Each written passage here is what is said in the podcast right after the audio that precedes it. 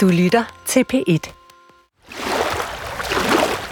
Havet er en stor madpakke, der samtidig er sit eget køleskab.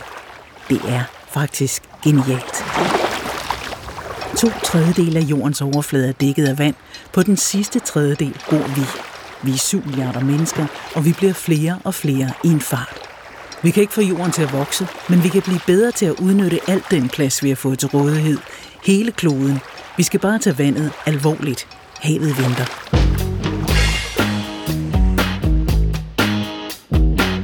I den næste time kan du møde en masse mennesker, der tror på, at vi kan udnytte havet meget bedre, end vi gør i dag, uden at misbruge det.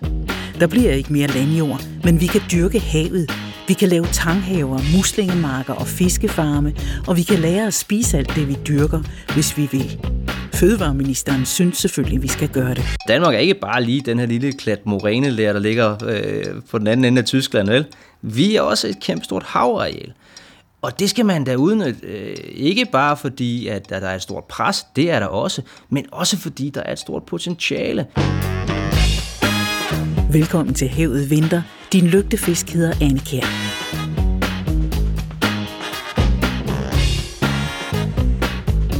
Det går ikke alt for godt med at spise mad fra havet lige nu, så det er noget, der skal trænes frem. Det er kun 10 procent af de voksne, der spiser den mængde fisk, der er anbefalet, nemlig 350 gram om ugen. Og mens vi er ved tal og statistikker, så vil jeg gerne præsentere gennemsnitsdanskeren. Yep. Og han hedder Jensen til efternavn, og han er cirka 40 år. Han har 1,7 børn, de hedder Emma og Victor. Han ser tv 3 timer og 15 minutter hver dag, og han holder ferie i Spanien. Og jeg har også været i Sverige. Sådan er det. Jensen vender tilbage med jævne mellemrum i det her program, selvom han selvfølgelig ikke rigtig findes. Og hvad mener du med, at jeg ikke findes? Du er jo sådan et statistisk fænomen, som jeg har prøvet at hælde ind i det her program, og ikke en egentlig person. Okay, hvis du siger det. Vi høres ved.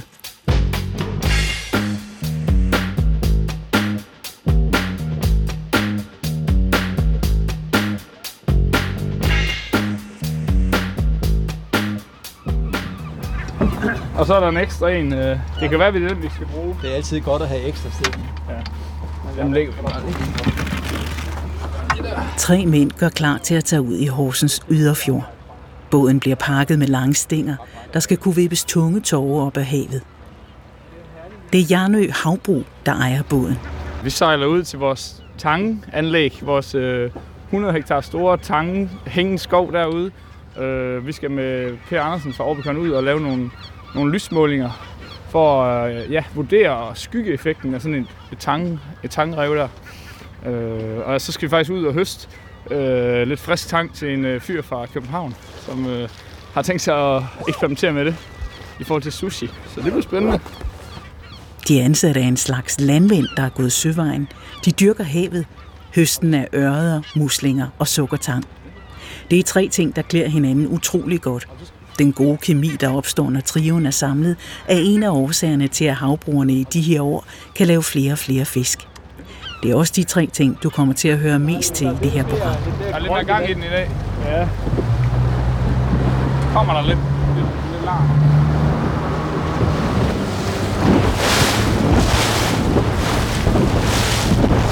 Fisk, der går tæt og bliver fodret, sviner havet til. Det er foderrester og ekskrementer fra fiskene, der gør, at der kommer for mange næringsstoffer i vandet. Kvælstof og fosfor. Men det er lige præcis det, muslinger og tang lever af. Derfor er ideen, at man skal dyrke de tre afgrøder samtidig, og på den måde undgå at belaste havet. Det er også det, Jarnø Havbrug drømmer om. Vi går ombord igen, når biologerne er kommet ud til tangmarken.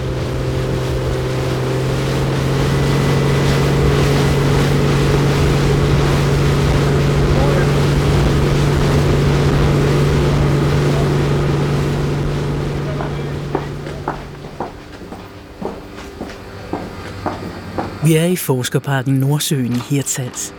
Seniorforsker ved DTU Aqua Bodil Larsen er på vej ind i en stor hal med fisk i store plastikbassiner. Altså, vi har nogle fisk gående her. Det er ra- nogle forholdsvis små regnbueører. Og her har vi sådan noget øh, vand med bedøvelsesmiddel i.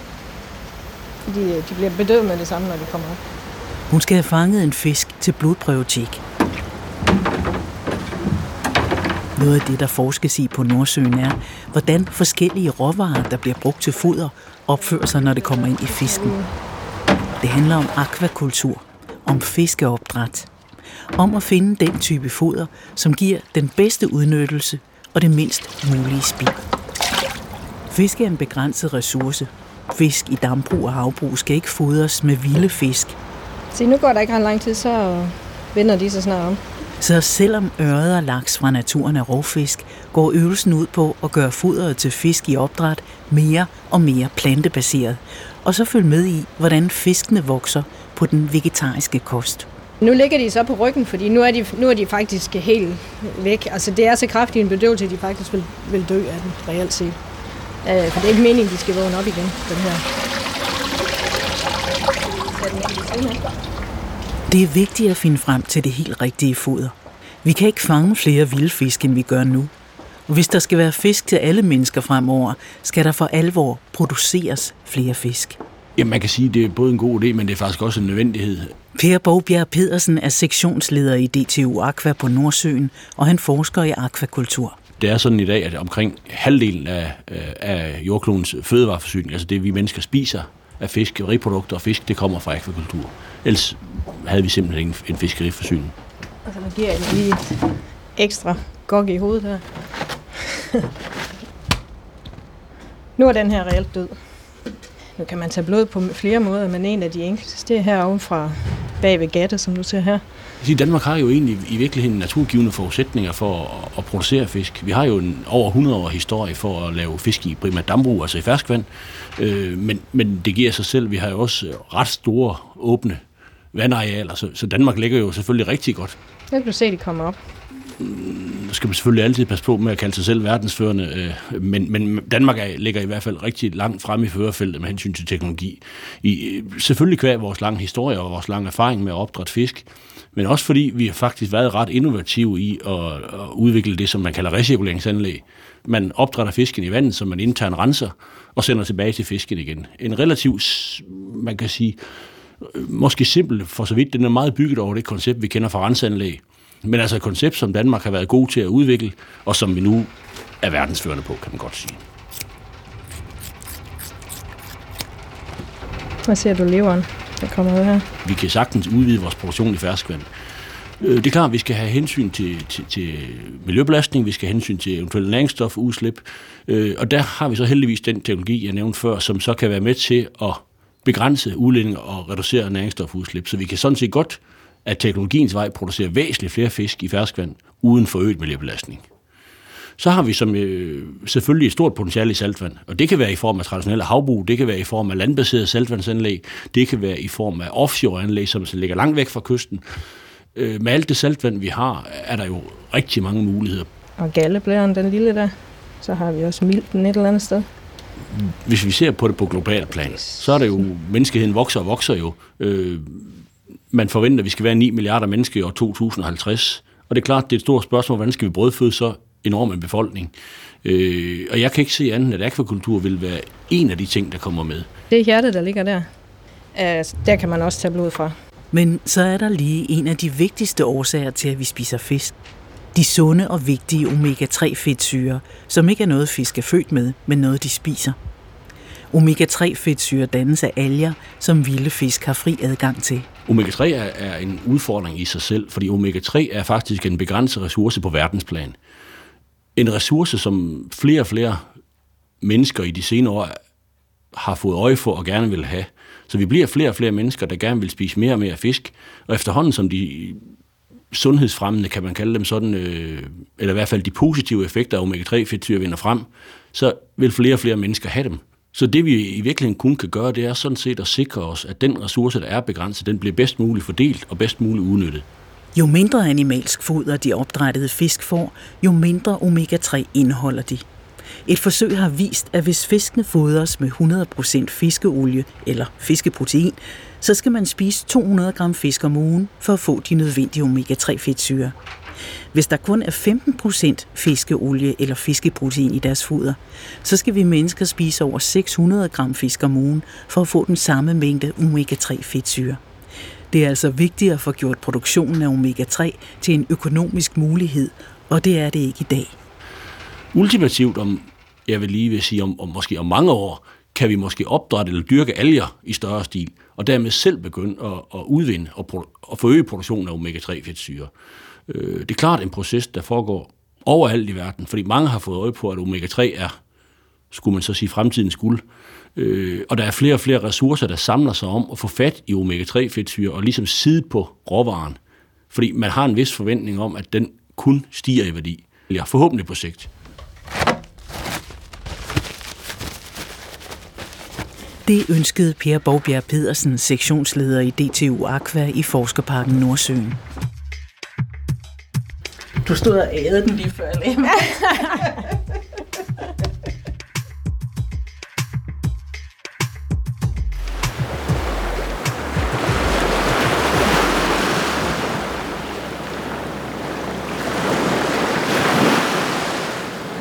Fremtiden kan blive fuld af fisk. Fortiden var det også. Efter sidste istid steg temperaturen i havene, og nogle få tusind år før Kristi fødsel var temperaturen et par grader højere i havet, end den er i dag. Det betød, at man kunne fiske hele året de fleste steder. De danskere, der boede ved kysten, levede især af skalddyr, tang, seler og fisk. Nogle arkeologer kalder tiden, før vi begyndte at dyrke markerne, for fiskerstenalderen. Der er fisk i vores DNA, fisk i vores historie.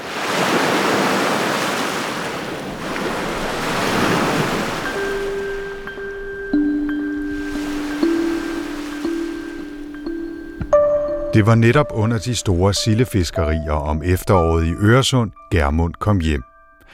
Overalt var der stort røre. Sundet sværmede med fartøjer, og på begge bredder var markederne i fuld gang. De største fandt sted over på Skånesiden i Falsterbo og Skanør, men også på Sjællandskysten var der meget store købstævner, hvor fiskerne kom ind med fangsten, og fremmede skibere lå parat til at tage imod den, når den var saltet, ligesom også en mængde krammer og næringsdrivende af anden art var strømmet til og havde opslået deres boder. Lejet, hvor Germund havde lagt sig ind med sine skibe, var oversvømmet af mennesker. 20-30 gange så mange, som der ellers året rundt plejede at være, og boderne stod tæt sammen i uendelige rader. Allerede på lang afstand hørte man tummel og råben fra stranden, og så mærkerne flagre fra de forskellige boder, blandet med røgen fra alle bålene. Fra Den lange rejse af Johannes V. Jensen.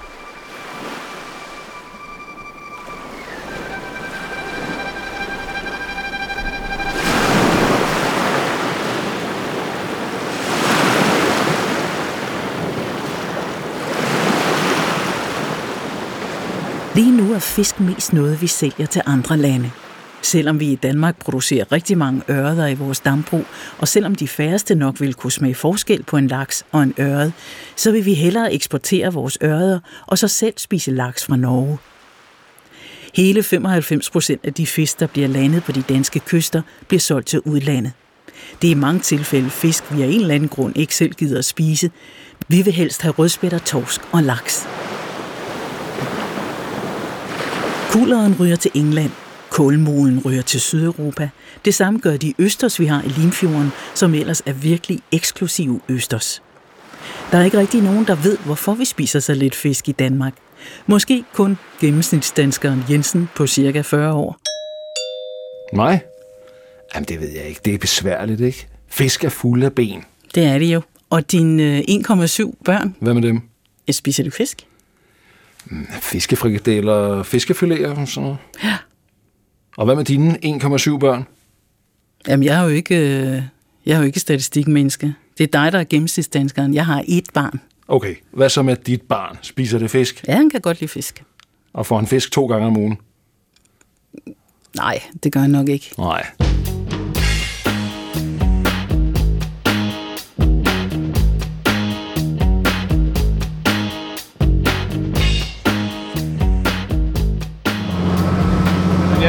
Faktisk ude. Øh, nogle ligner, de er sådan oppe i overfladen, hvor man kan se dem. De er sat ud øh, her i det tidlige forår. Og så har vi en, en, nogle ligner herinde, som er sænket under vand. Og dem kan man jo ikke se, men dem skal vi jo vide, hvor er. Så vi, vi har nogle kendetegn. Tror du, det er den der? Biologerne fra Jarnø Havbrug er ved at finde frem til de rigtige tangliner. Det er ikke en rød, vi skal hen til. Jernø Havbrug har produceret ørreder i mange år, men muslingerne og tangen er nye projekter. Havbruget samarbejder med forskere fra flere forskellige institutioner, og der bliver jævnligt taget prøver for at holde øje med tangproduktionen. Det er også på programmet i dag. En anden opgave på dagens tur er at hente en pose tang. Vi skal have øh, faktisk nok sådan en sæk her fuld, fordi det er til ham der sushi-manden i København. Noget af det tang, som lige er blevet, som er sat ud her i, i øh, sen efterår, som er sådan meget, som er lidt småt i det stadigvæk, sådan fra en 20 til 50 cm, som er meget sådan sprødt og salatagtig, og har sådan lidt nødagtig smag faktisk, når man spiser det. Og det er enormt lækkert bare, vi, vi bruger det i vores øh, sandwich, øh, når vi er ude, hvis, hvis det lige er, er muligt, og på en leverpostejsmad og sådan noget. Fordi øh, det er altså rigtig lækkert øh, og sprødt og lige til at spise, når det er så småt. Restauranten skal bare have en enkelt pose fuld, men Jarnø har flere andre snøre ude, fortæller Thijs Bodeskov. Vi har forskellige sådan, små aftager, og ellers så øh, vil vi gerne lave, øh, lave foder af det. Men øh, ellers er der også begyndt at komme interesser fra andre øh, virksomheder, som, som vil prøve at bruge det som sådan lidt mere øh, nogle specialprodukter. Øh, I går solgte vi noget til nogen, der vil prøve at lave, lave, lave spiritus af tangen. Øh, og ellers er der nogen, der har brugt det til at lave ost og pølse med. Og jeg ved, at øh, vi har sendt noget op til Dansk Algecenter, som har prøvet at lave en distribution af det ud til større virksomheder, som Tise Mejeri og øh, jeg tror også, hun nævnte Premiere i, så for flere andre store virksomheder, som så øh, vil prøve at bruge det i, i deres produkter. Øh, men der findes jo faktisk tang i meget, meget af det, vi spiser. Øh, fordi at man øh, udvinder et stof, der er fra de her brunalger, som vi dyrker, hedder alginat, som, øh, som man anvender i øh, hønsesalat og is og i kakaomælk, og nogen laver øl med det. Og sågar tandpasta er der tang i, det er sådan røde alger i stedet for, men øh, vi får alle sammen tang hver dag, selvom man ikke rigtig ved det. De to havbiologer Peter Smedes og Thijs Boderskov har læst sammen, skrevet specialer om tang sammen, og nu er de så også blevet ansat sammen på et pionerprojekt, som de begge har en stor passion for, fortæller Thijs Boderskov. Jamen, jeg er jo jeg er uddannet biolog, øh, og jeg synes, det er et interessant med den her det her, hvor man ligesom kan koble biologi med produktion, hvor man så ligesom kan, kan producere noget, øh, noget tank, som kan rense vores, vores farvand for næringsstoffer, øh, og samtidig kan give et produkt, og øh, også kan give ophav til, at der kan komme vækst af forskellige andre organismer øh, omkring den produktion, du har. Det er jo en, en produktion, der virkelig... Du kræver ikke næringsstoffer det er jo ikke noget med, vi heller ikke gødning i vandet herude. Så øh, tanken vokser bare med det næring, der er i havet. Så på den måde er det ligesom en, en, øh, en produktion med, med meget lav miljøeffekt, og faktisk øh, gavnlig miljøeffekt, fordi at du optager næringsstoffer, og du skaber et refugie for fisk og vandlop og andre øh, tanglopper og andre, andre dyr. Så det er derfor, jeg som biolog synes, det er, det er rigtig interessant sidste vi ude, det var helt klart, så der var bare lidt bedre sigt. Vi, vi, ligger vi i driver nu, eller hvad? Nej. Vi har... Det kan vi godt, hvis du vil. Nej, men lad os endelig, endelig lige. Nu tager vi bare en række målinger lige her omkring. Okay. Så laver vi et gennemsnit på det. Ja. Vi møder folkene fra Jarnø Havbrug igen, når de skal til at tage deres prøver.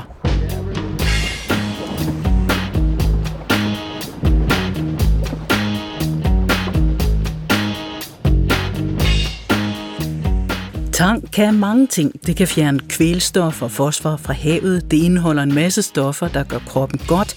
Det kan bruges til foder og til gødning på marken. Det kan også bruges som brændsel og skabe energi i biogasanlæg. Men alt det vender vi tilbage til i næste program.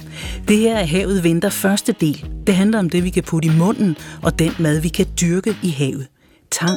Det er jo ikke noget, man har lyst til at spise. Her kommer Jensen, gennemsnitsdanskeren på cirka 40 år, et fænomen skabt af tal fra diverse statistikker og undersøgelser, tilsat et skvæt generaliserende holdninger. Tang, det er noget, der klistrer til en, når man skal ud og bade, og som bagefter ligger og stinker inde på stranden. Helt klart ikke spor appetitlig. Ja, den tang, man skal spise, den skal jo være frisk, eller også skal den være tørret, og den skal ikke være tørret på stranden sammen med alle lopperne. Som vi hørte for lidt siden, så er der tang i rigtig mange fødevarer.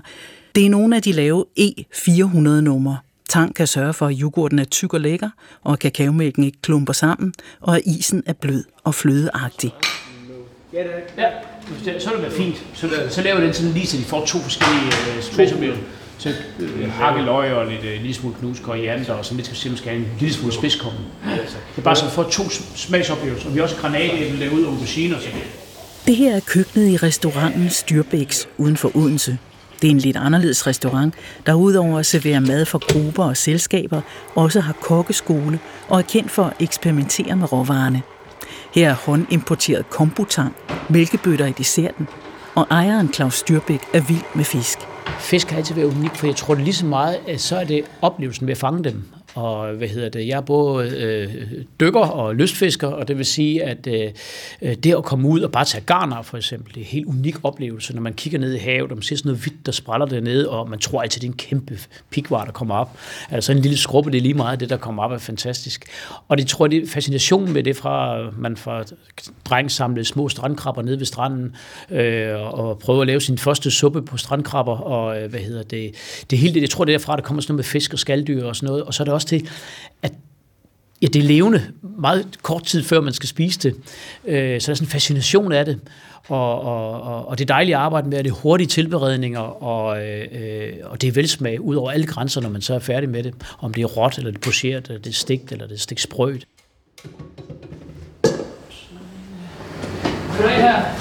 Det ser godt ud. lidt øh, tang, lidt grislinger. Jamen for dævlen. Og jeg har lidt mere derude. Jeg det, det lyder rart. Poul Rasmussen ejer Albanigades Fisk og Vildt, en forretning med over 100 år på banen. Den ligger ikke længere i Albanigade i Odense, men i Katamine. Forretningen har kun engrossalg og kører landet rundt med råvarer til hoteller, restauranter og institutioner. Det kan godt være.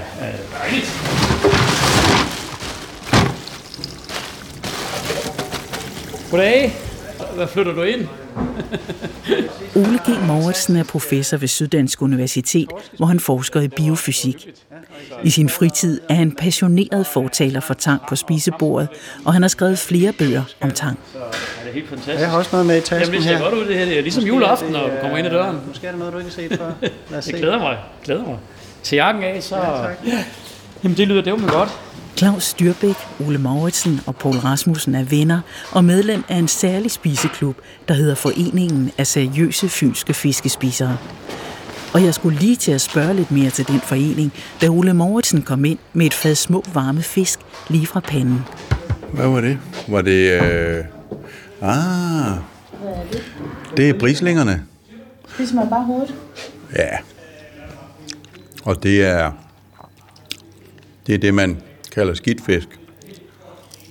Den er jo af en eller anden grund ikke interessant for, øh, for fiskehandleren. Den koster jo ikke ret meget, øh, hverken den ene eller den anden vej. Øh, og det er også ligesom herhjemme at fisk med hoved på, det er man ikke øh, hoved og hale, nej, sådan nogle små nogen. Og de bliver jo heller ikke øh, renset. Øh, den du fik der var jo ikke renset jo. Den bliver jo stegt som den er, og spist som den er. Ligesom man gør syg på, ikke? Jeg skynder mig at indrømme, at jeg ikke havde nogen fornemmelse af at spise et fiskehoved. Denne de anderledes råvarer er noget af det, der kendetegner de seriøse fynske fiskespisere. De mødes tit om at tilberede mad fra havet og afprøve noget nyt. I dag har Ole Mortensen tasken fuld af tang, som han hælder op i glaskander. Den tørre tang får fantastiske farver og ser næsten ud, som om den er levende. Det her det er en, en tangart, som hedder blomkålstang, eller karagentang. Man kan jo allerede se her, hvordan det folder sig ud. Det er den sidste farve her. Altså, det er simpelthen bare så smukt og, og, og, og indbydende.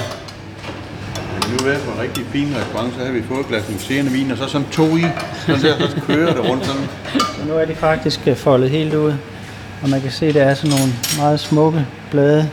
Tang burde være en naturlig del af det danske køkken.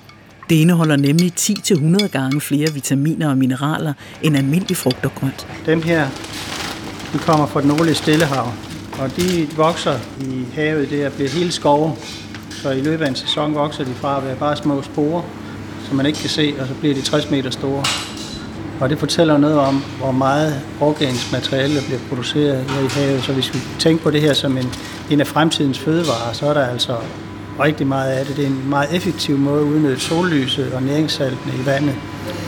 Og de her kan vi spise. Man kan bare knække af. Jeg prøver at tage et stykke, Claus. Øhm, stykke af og Man kan bruge den som salt eller saltestatning. Og det gør jeg blandt andet, og det er der også det, også Paul gør. Man bruger det her som salt, man kan putte det i brødet, man kan putte det på, på maden. Og øhm, de salte, der er i tangen, er overvejende kaliumsalte. Så i modsætning til almindelig køkkensalt, som er natrium, natriumklorid, så er det her kaliumklorid og andre kaliumsalte. Og de har salt effekt, men de har ikke den virkning på blodtrykket, som køkkensalt har. Så her er der faktisk også en, øhm, en interessant fødevare, som vi kan bruge som salterstatning, for at måske komme til det til liv, som er et stort problem. De tre fiskefornøjede i Styrbæks køkken bærer den danske madhistorie videre i nye klæder. Der er kommet tangskov til, men vi har altid spist fisk. Så rigeligt mente nogen, men uden fisk gik det ikke. Det kan man læse i klassikerne.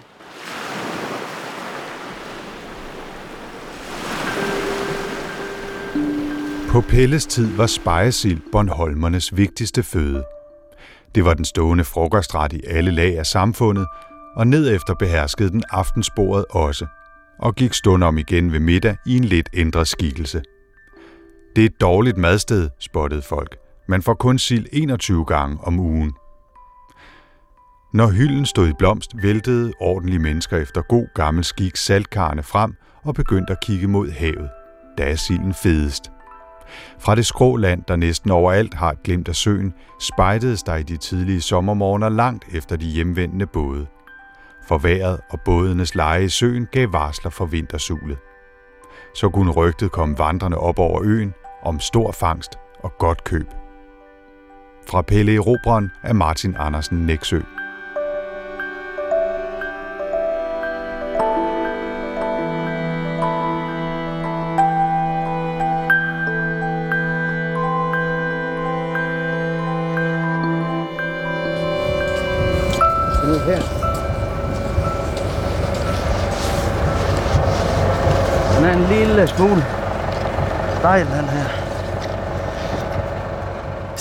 Stigen er stejl, men det lykkes at komme ombord på båden uden andre skavanker end en smule tabt værdighed. Det er Dansk Skaldyrcenter, der ejer båden.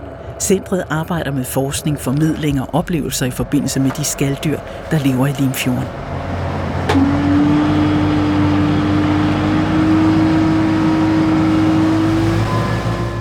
Forskningstekniker Christian Oddershede styrer båden ud mod Sandingsund i Limfjorden til den produktion af blåmuslinger, centret har.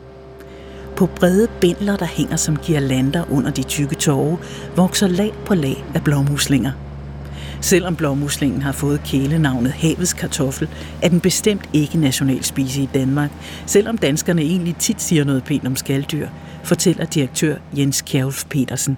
De øh, i udgangspunktet øh, er de jo positive, specielt hvis man spørger den interessante gruppe mellem 18 og 43. Men i virkelighedens verden øh, spiser de øh, stort set ikke skalddyr. For det første spiser danskerne jo ikke ret meget fisk. Så hvis du heller ikke spiser, hvis du heller ikke spiser fisk, så spiser du heller ikke skalddyr, tror jeg. Men det sjove er jo, at enormt mange danskere, når de tager til udlandet, så spiser de skalddyr. Der er masser af skalddyr i den pælge, de spiser, når de tager til Spanien, eller på de sydfranske gaderestauranter kan de godt lide at sidde og spise mulfrit, eller hvad ved jeg. Så det er sådan lidt dobbelt, tror jeg. Altså det, det vi er på vej hen til nu, det er en af de liner, hvor vi har muslinger hængende. De hænger i sådan nogle girlander. Altså, øh, de, danske, de kystnære danske farvande har alle forudsætningerne for en god skaldyrproduktion. For det første er kystvandene meget næringsrige.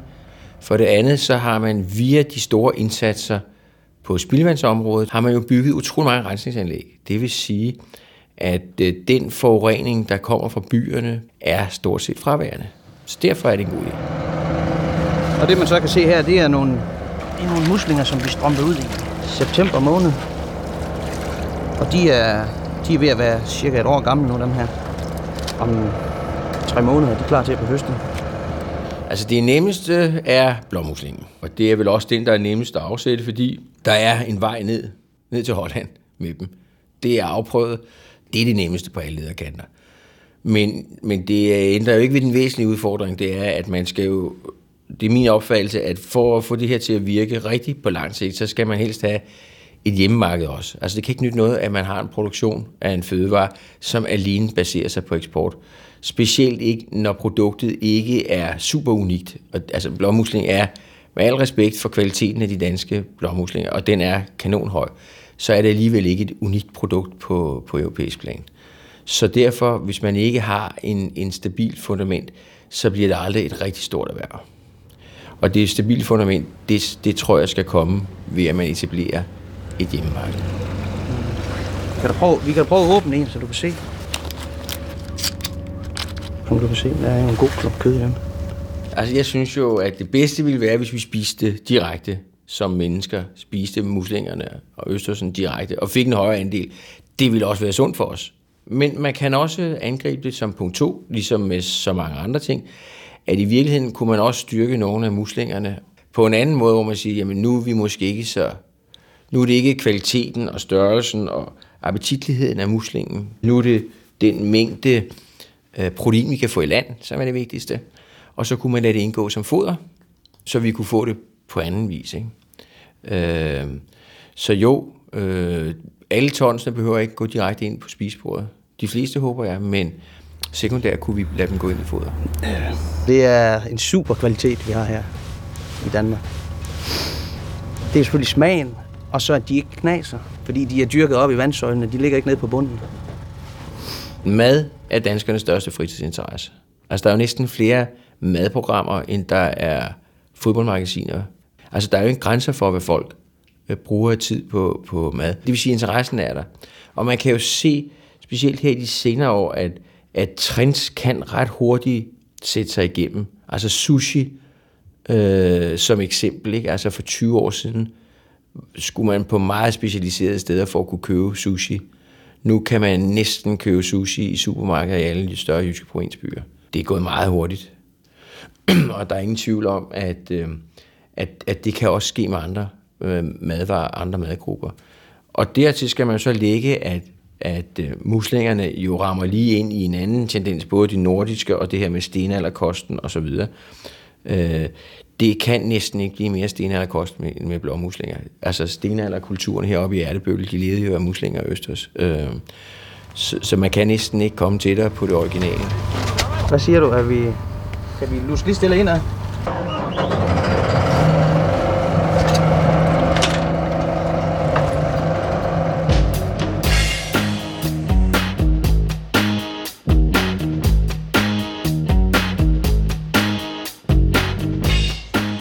Der var en gang, hvor østers og muslinger var en vigtig del af vores kost. I dag eksporterer vi næsten alle de skalddyr, vi producerer i Danmark, og en fjerdedel af os spiser hverken fisk eller skalddyr i løbet af ugen. Igen er der ingen, der rigtig ved hvorfor. Måske bortset fra den gennemsnitsdansker, vi finder frem til, hvis vi lægger alle vores vaner sammen og deler dem ud på det antal borgere, vi er. I overensstemmelse med Danmarks Statistik har han her fået efternavnet Jensen, og han er cirka 40 år, og han vil hellere have en bøf, men ikke rigtigt? Jo, men muslinger er mærkelige i munden. Jeg ja. synes, de smager af havvand. Ja. Sådan er der mange, der har det, men de siger, at vi har nogle virkelig fine østers i Danmark, op i Limfjorden. Østers det er vel noget, man spiser, hvis man lever af at gå til receptioner og blive fotograferet til bladene. Og det er også dyrt, ikke? Sådan er det faktisk, gennemsnitsdanskeren øh, opfatter skalddyr. Det er sådan en luksusspise, der også kræver specialviden. Igen er der ikke rigtig nogen, der ved hvorfor. Nordmændene spiser fem gange så mange fisk og skalddyr som danskerne. Men vi har havet omkring os, og vi kan dyrke skalddyr i det. Der er en mulighed for at finde et eventyr under muslingeskallen.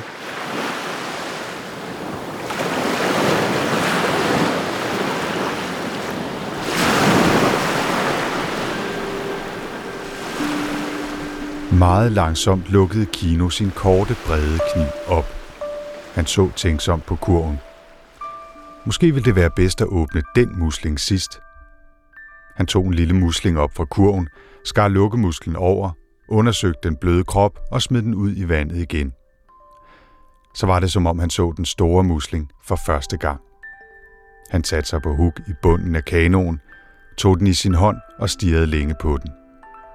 Rillerne på skallen skinnede fra sort til brunt, og kun et par små snegle havde sat sig fast på den. Kino tøvede med at lukke den op. Han vidste, at det, han havde set, kunne være en genspejling, skæret fra en flad skal bagved, hvis det da ikke havde været rent øjenbedrag. Herude på golfen med det usikre lys var der mere øjenbedrag end virkelighed. Men Joannas øjne hvilede på ham, og han kunne ikke vente længere. Hun lagde hånden på Coyotitos tildækkede hoved. Luk den op, sagde hun stille. Kino stak hurtigt kniven inden for kanten af skallen. Gennem kniven kunne han mærke musklen spænde sig. Han brækkede til, så lukkemusklen sprængtes, og skallerne faldt fra hinanden. Muslingens blege kød trak sig sammen og blev stille. Kino kringede kødet til side, og der lå den. Den store perle, fuldendt som månen. Den fangede lyset og kastede det tilbage med et sølvlysende skær. Den var lige så stor som havmågens æg. Det var den største perle i verden. Fra perlen af John Steinbeck.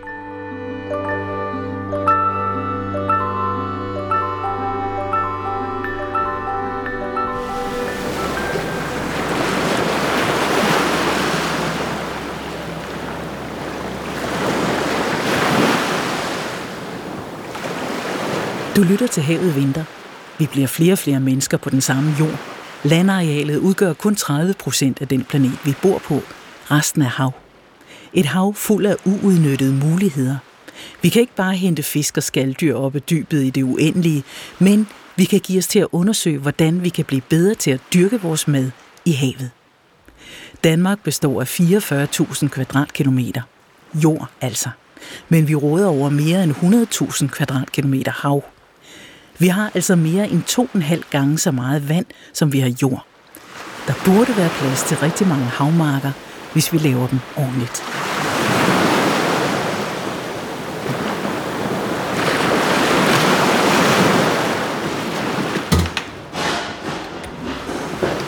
Ryger med tændt det ud, så vi kan få dem røget. Ja. I Styrbæks køkken er de tre venner Claus Styrbæk, Ole Mauritsen og Paul Rasmussen også kommet til skaldyrene. Men, men der, er, der er vel stadigvæk i forhold til også på danskerne til at, at spise flere skalddyr, det at gøre opmærksom på, at der er alle de der mange vidunderlige danske muslinger. Ja. Og de er meget fine, de er meget rene, ikke? og er meget velsmagende, specielt de små af dem. Og, og de er nemme at tilberede. Ja. De er jo stort set rene, når man får dem. Og man behøver ikke at være bange for at spise muslinger, når man, altså hvis man køber dem i, i en forretning, fordi det er faktisk en af de fødevarer, der er mest kontrol med. Det man skal passe på, det er jo ikke at tage dem ind i havnen, for eksempel, hvor der er stillestående vand. Så er det ikke så godt. Altså, så var også efter, jeg kan bare huske førhen, hvor vi fik muslinger, og fik dem for storbælt. Altså der var så meget mudder i, og så nogle, altså nogle gange man spiste nærmest mudder, ikke også? Hvad hedder det? Og nu øh, jeg tror jeg bare, det er lettere, at flere kan lide dem, fordi at de ligger midt i øh, vandet, ikke? I, i de her linmuslinger. Og ja, så, så nu er det en, en fantastisk spise. Og, og det er nemlig bare simpelthen med at spise i uh, Belgien og Holland. Ikke? Det er jo helt vildt. Du kan, du kan ikke køre 10 meter uden der og mulle frit et eller andet sted, eller en anden form for muslinger. Så lidt på Rangito en gang, hvor de, øh, de stod dernede, de fik muslinger, der stod de og spiste ligesom østers om morgenen. De er lidt bitre og rå, synes jeg. De er den er lidt, øh, men de stod med en kniv, ligesom østers, og stod bare og spiste blommuslinger. Så det kan vi så ikke... Øh, det er så nok det, også.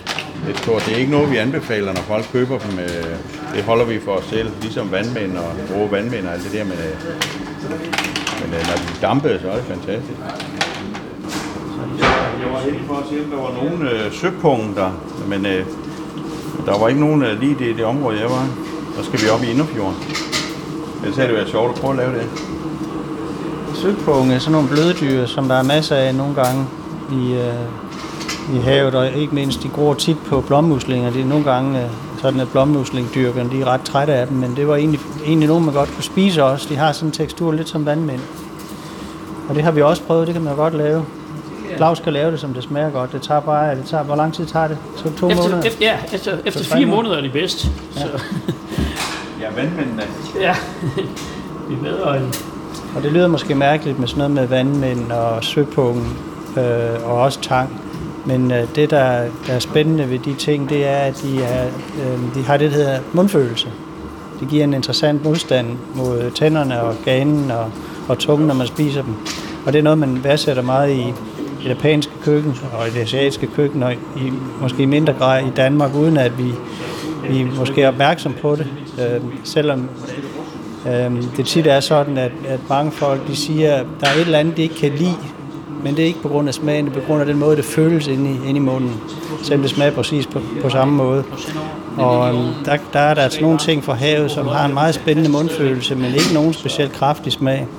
Og nogle af de her bløddyr er faktisk nogle af dem, som man spiser med stor vellyst i øh, Østen, fordi de giver mundfølelse, men som vi ikke rigtig har lært at, lært at spise nu. Så der er måske en mulighed for, at vi kunne spise nogle af de mange vandmænd, som der er masser af i vandet her øh, på forskellige tidspunkter af året. De tre haventusiaster er altid samlet om virkelig gode råvarer. Og gode råvarer kan mange ting. Det kan for eksempel også være det, der er tilbage, når nogen har taget det, de vil have.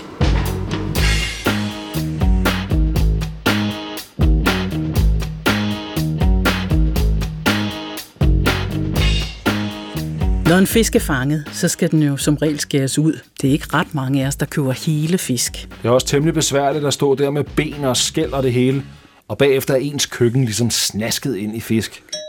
Ja, sådan tænker gennemsnitsdanskeren Jensen på cirka 40 år. Og den her dansker, frukær på snart 50, tænker der også må indrømme.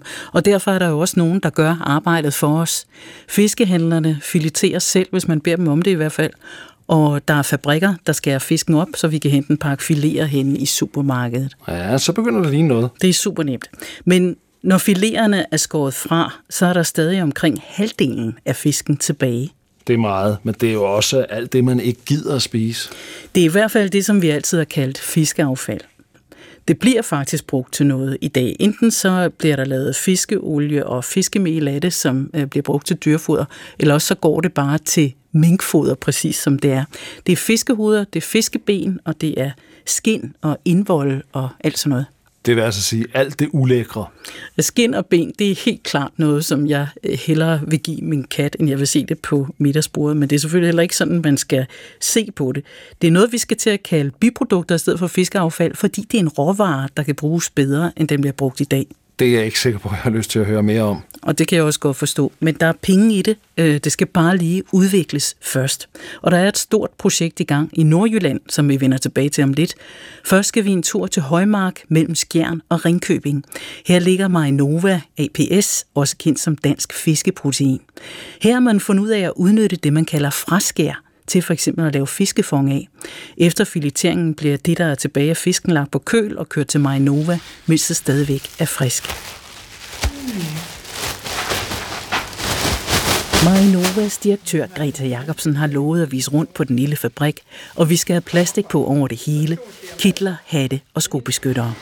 Så går vi ud i forsøgsafdelingen, hvor vi udvikler de nye produkter, som jo altid er lidt de er omgivet med lidt hemmelighed, fordi vi skulle jo gerne lige være styr på dem, inden vi kommer på markedet med dem. I udviklingsafdelingen står nogle store tanke og nogle andre maskiner. Nogle af dem har Marinova måtte bygge selv, fordi der simpelthen ikke altid findes udstyr til de idéer, virksomheden vil prøve af. Ja, nu går vi ud i produktionen og kører øh, rødspætter i dag.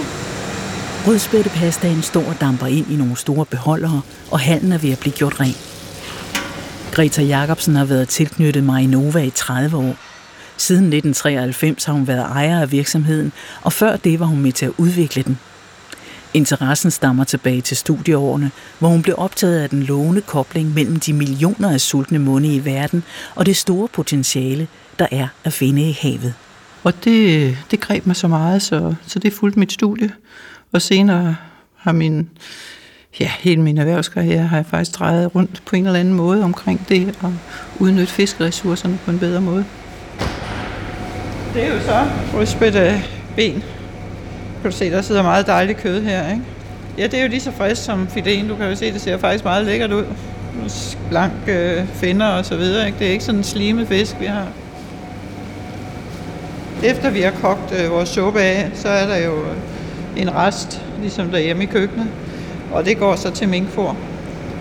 Men så har vi taget, så har vi sluppet kan sige, der er jo et stort marked, altså worldwide er der meget fokus på, på de marine råvarer. Det er simpelthen, øh, det tror jeg, det bliver den nye trend, og, og der er jo uanede muligheder, når vi begynder at se på det med de briller, som vi gør nu, hvor vi jo faktisk kan udnytte det hele i en fisk.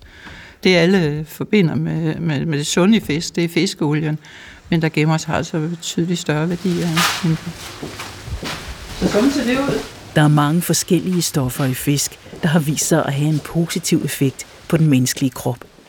Og en af vejene frem for Marinova APS er at forsøge at tilsætte nogle af de stoffer til almindelige fødevarer, altså functional foods. Det vi ser i vores fremtid, det er at lave øh, specifikke fiskepeptider øh, brugt som functional food, som man siger, øh, men vi kalder det mere biofunktionelle produkter.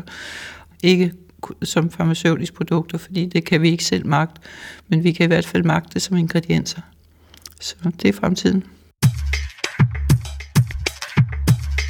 Skal vi bare tage det her med? Ja, det gør, det gør jeg i hvert fald, hvis det regner med, at jeg Okay, men hængte jeg ikke min frak herovre? Jo, det, det var nok Det er klogere at få den med.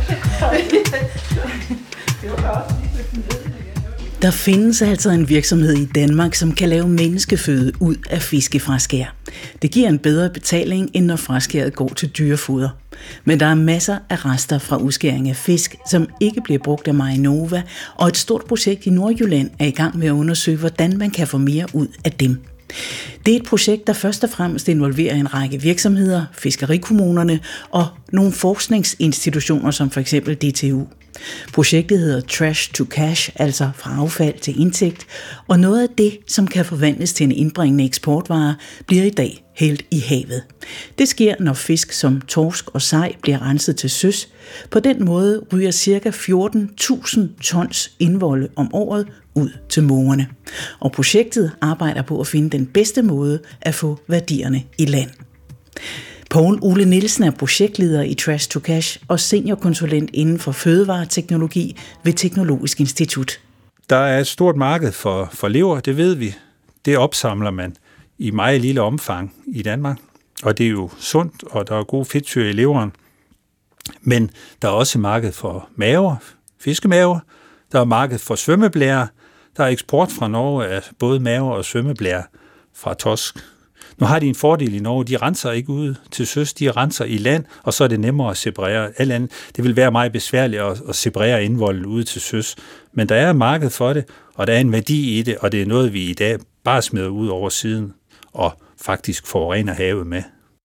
Jeg har fået henvendelse fra en kineser, som vil gerne have mig til at skaffe to 40-fods container med toskemaver. Og det var ikke lige nemt, så den sendte jeg videre til Norge. At Norge med sine oliemilliarder og høje lønninger sorterer fiskeindvolde, siger noget om, hvor mange penge der er at hente i noget af det, som vi plejer at hælde i havet. Meget af det, som, som går til dyrefoder i dag, kan vi jo spise. Det er jo god menneskemad.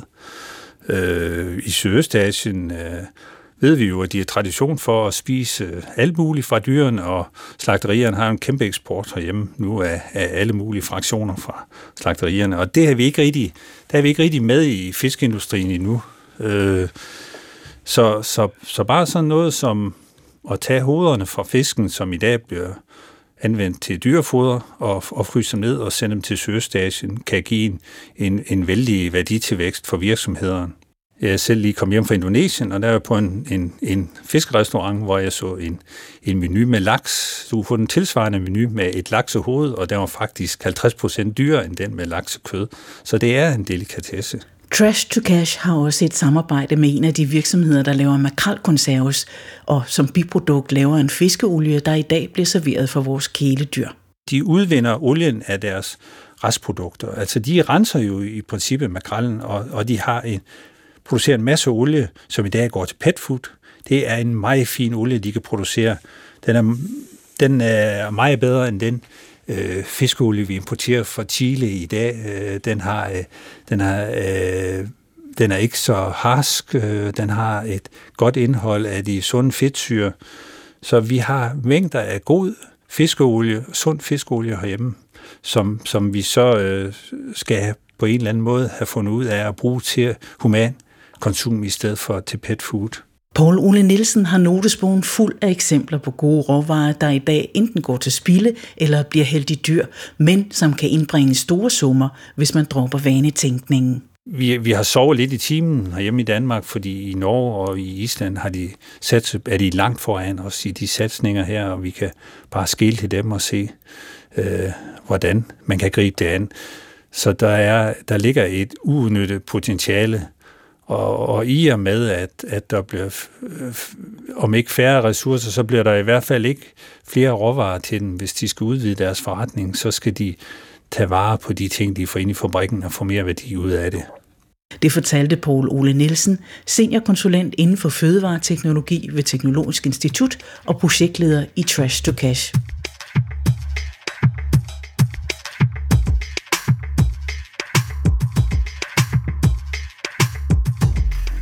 Landets fødevareminister Dan Jørgensen siger, at han er tunet ind på at få mere gang i den blå økonomi, både fordi det er muligt og fordi det er nødvendigt. Ja, I dag der er vi omkring 7 milliarder mennesker på kloden. Allerede i 2050 vil vi være næsten 10 milliarder mennesker på kloden.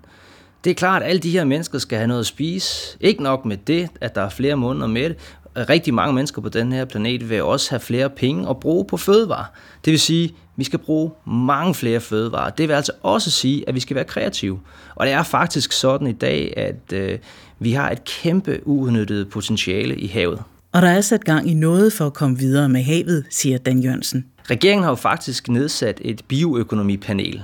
Der har vi bedt nogle eksport, eksperter at se på, jamen hvad kan man egentlig så rent konkret gøre?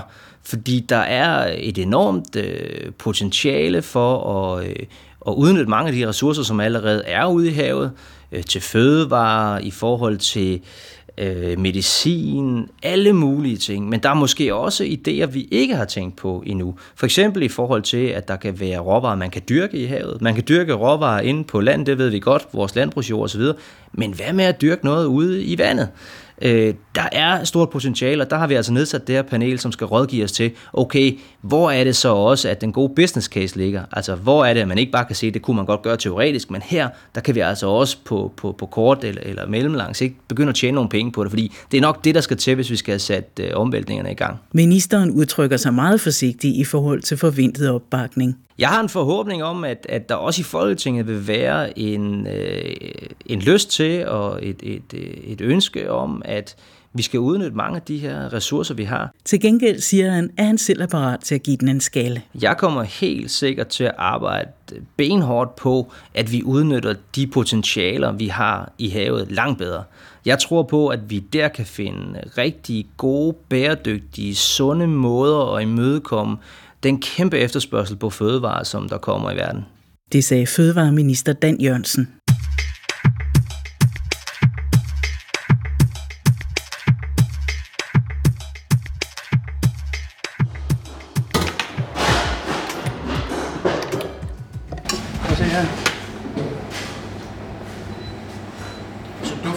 Kommer nu ikke op fra muslingerne og tangen, det synes jeg er helt utroligt. Så vil du sige, at de, er- de er færdige nu? Her, Altså de det er man, skal gå ned og, øh, det, man skal gå ned og kigge på, det er, når blommuslingen ikke er glasklar længere, så er de færdige. For hvis de er glasklar indeni, så, så er de ikke færdige. De er faktisk færdige nu, dem her. Lidt uden for Odense er de tre havpassionerede medlemmer af Fiskespisernes Klub ved at være klar til at nyde udbyttet af et par timer ved gryder og pander. Hold da op. Her er ret dækket op. Så jamen, øh, Der er alt godt fra havet. Mm. Det er fantastisk. Ja. Det er stort. Mm.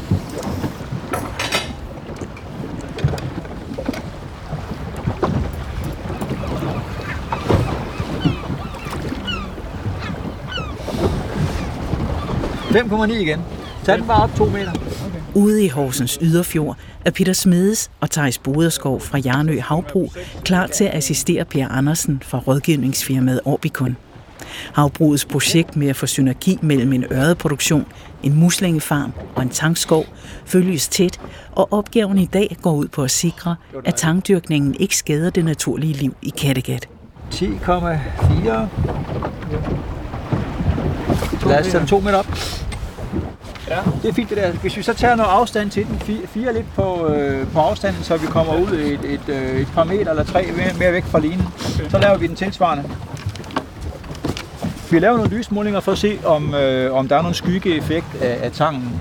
Øh, så, og en skyggeeffekten, den kan være vigtig, fordi der, der gror jo alger under, på, på selve havbunden ned under tangen, øh, kulturen her. Så en, en del af, af tilladelsen til, at man må dyrke tang herude, det er, at der bliver målt de her lys, lysmålinger, så man kan få et indtryk af, øh, om der vil være nogle, nogle negative effekter af, af tangkulturen på de underliggende alger her. Jeg kører. Ja. 4 meter. Ja. Så målingerne ser rigtig fornuftigt ud, og det ser ud til, at, at, at, at når vi er inde i selve tangen, så er der selvfølgelig en effekt, når vi kører lysmålerne ned igennem selve tang, øh, skoven der. Men med det samme, vi rykker de her 1, 2 meter og, og 4 meter, som, som vi er væk herfra, så stiger lysniveauet ned, i, øh, i, ned ved bunden til, til det normale, kan man sige. Så indtil videre, så ser det vældig fornuftigt ud. Det var det. Det var det, det var. Det var sidste måling. Simpelthen. Det var dejligt. Og ved at det holdt Ja. nogenlunde fornuftigt. Lad os øh, tænde motoren. Surfer vi hjem på bølgerne.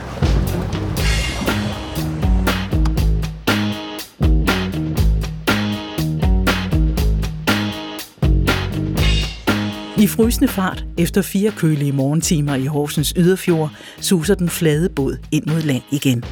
Alt fungerer til synlædende som det skal i tangskoven. Der bliver arbejdet på at få mere føde ud af havet, på at bruge al den plads, vi har fået til rådighed. Hele planeten. Du har lyttet til første del af Havet Vinter. Jeg hedder Anne Kjær.